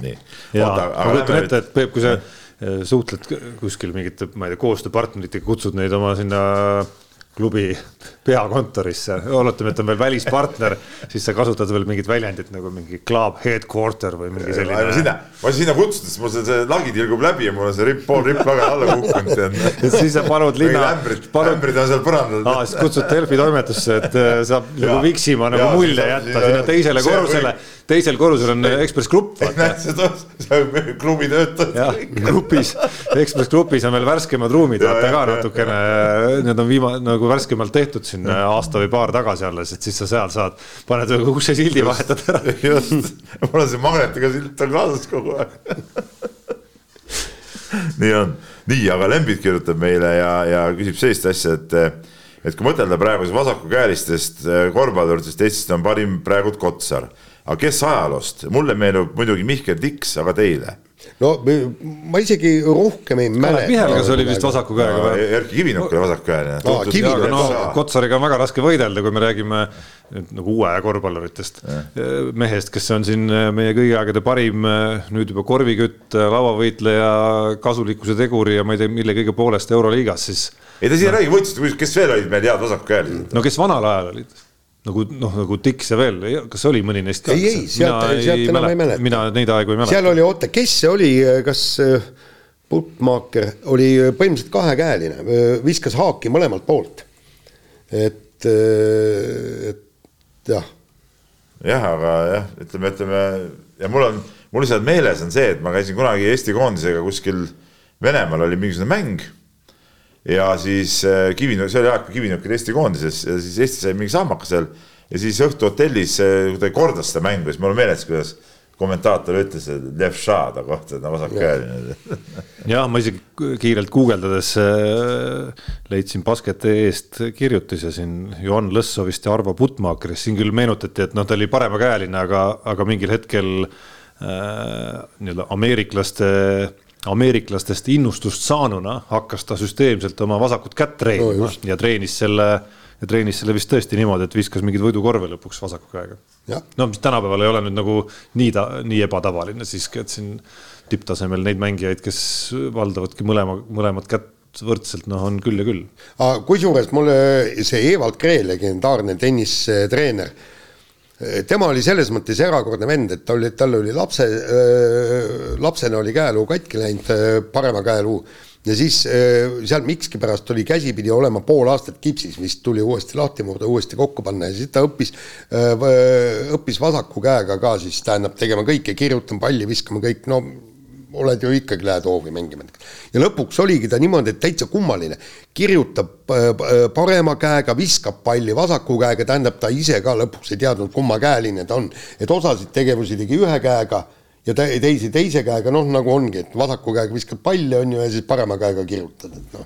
mina siis mängisin hokit vasaku käega teadupärast. ei no ne, hokis on jaa, et niipidi-naapidi ka. niipidi-naapidi ongi, no enamus mängivad ju noh, sedapidi kepp käes, ehk siis see juhtkäsi on ja on parem. no ta on minu meelest pooleks. mina mängisin, ei ta ei ole pooleks, ei kindlasti ei ole pooleks, ei, ei, ei. vähem on ikkagi neid. vähem on neid jah, aga, aga ikka on.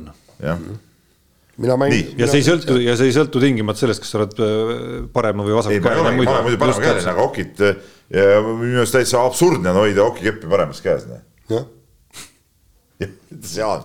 ma, ei ma praegu mõtlesin, golfis muide ju tehakse niimoodi, eks, et äh, golfis tehakse niimoodi, et, et ei. muuseas, muuseas Mm. nii vähe, kui ma seal kunagi käisin seal kursusel, eks ole. siis seal ja, ka. ja, ja ma mängin, noh, mõned korrad elus ikka kõik on minigolfiga mänginud ju tead, toksin. mängid vasakukäelise keppidega? mängin, mängin ikkagi vasakkäega seda, löön ah,. sedapidi lüüa, see ei ole üldse võimalik ju. ei, muide e,. E, praegu sa just näitasidki, ütleme siis sellist ei, sinu käelisuse suhtes ei, nagu nii-öelda vale vasakukäelise liigutus. ja ei, sorry, ei, ei siis ma ikkagi siitpoolt ikkagi, ikka vasaku käega. no ei no mis mõttes vasaku käega, kui mina olen paremakäeline, siis minu löögiliigutus tuleb siit siia.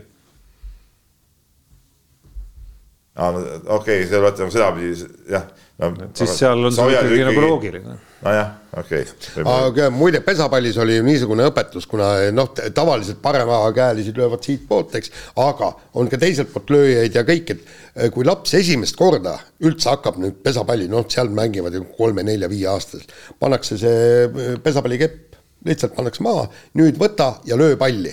ja eh, laps ei tea, kummalt poolt peab lööma. Ja siis võtab kepi nii, nagu tal on mugavam ja sealtpoolt hakkabki lööma et, et no nii käs-, kädiseid ja teise kädiseid. nii, nii, aga tõmbame nüüd tõesti jube pikaks läinud, tõmbame nüüd otsa kokku. tõmbame otsa kokku ja kuulake meid nädala pärast ja olge mõnusad, nautige lund ja ärge mingil juhul sõitke kuhugi soojale maale, sest seal käivad ainult totrad inimesed. oo, jehuu. mehed ei nuta.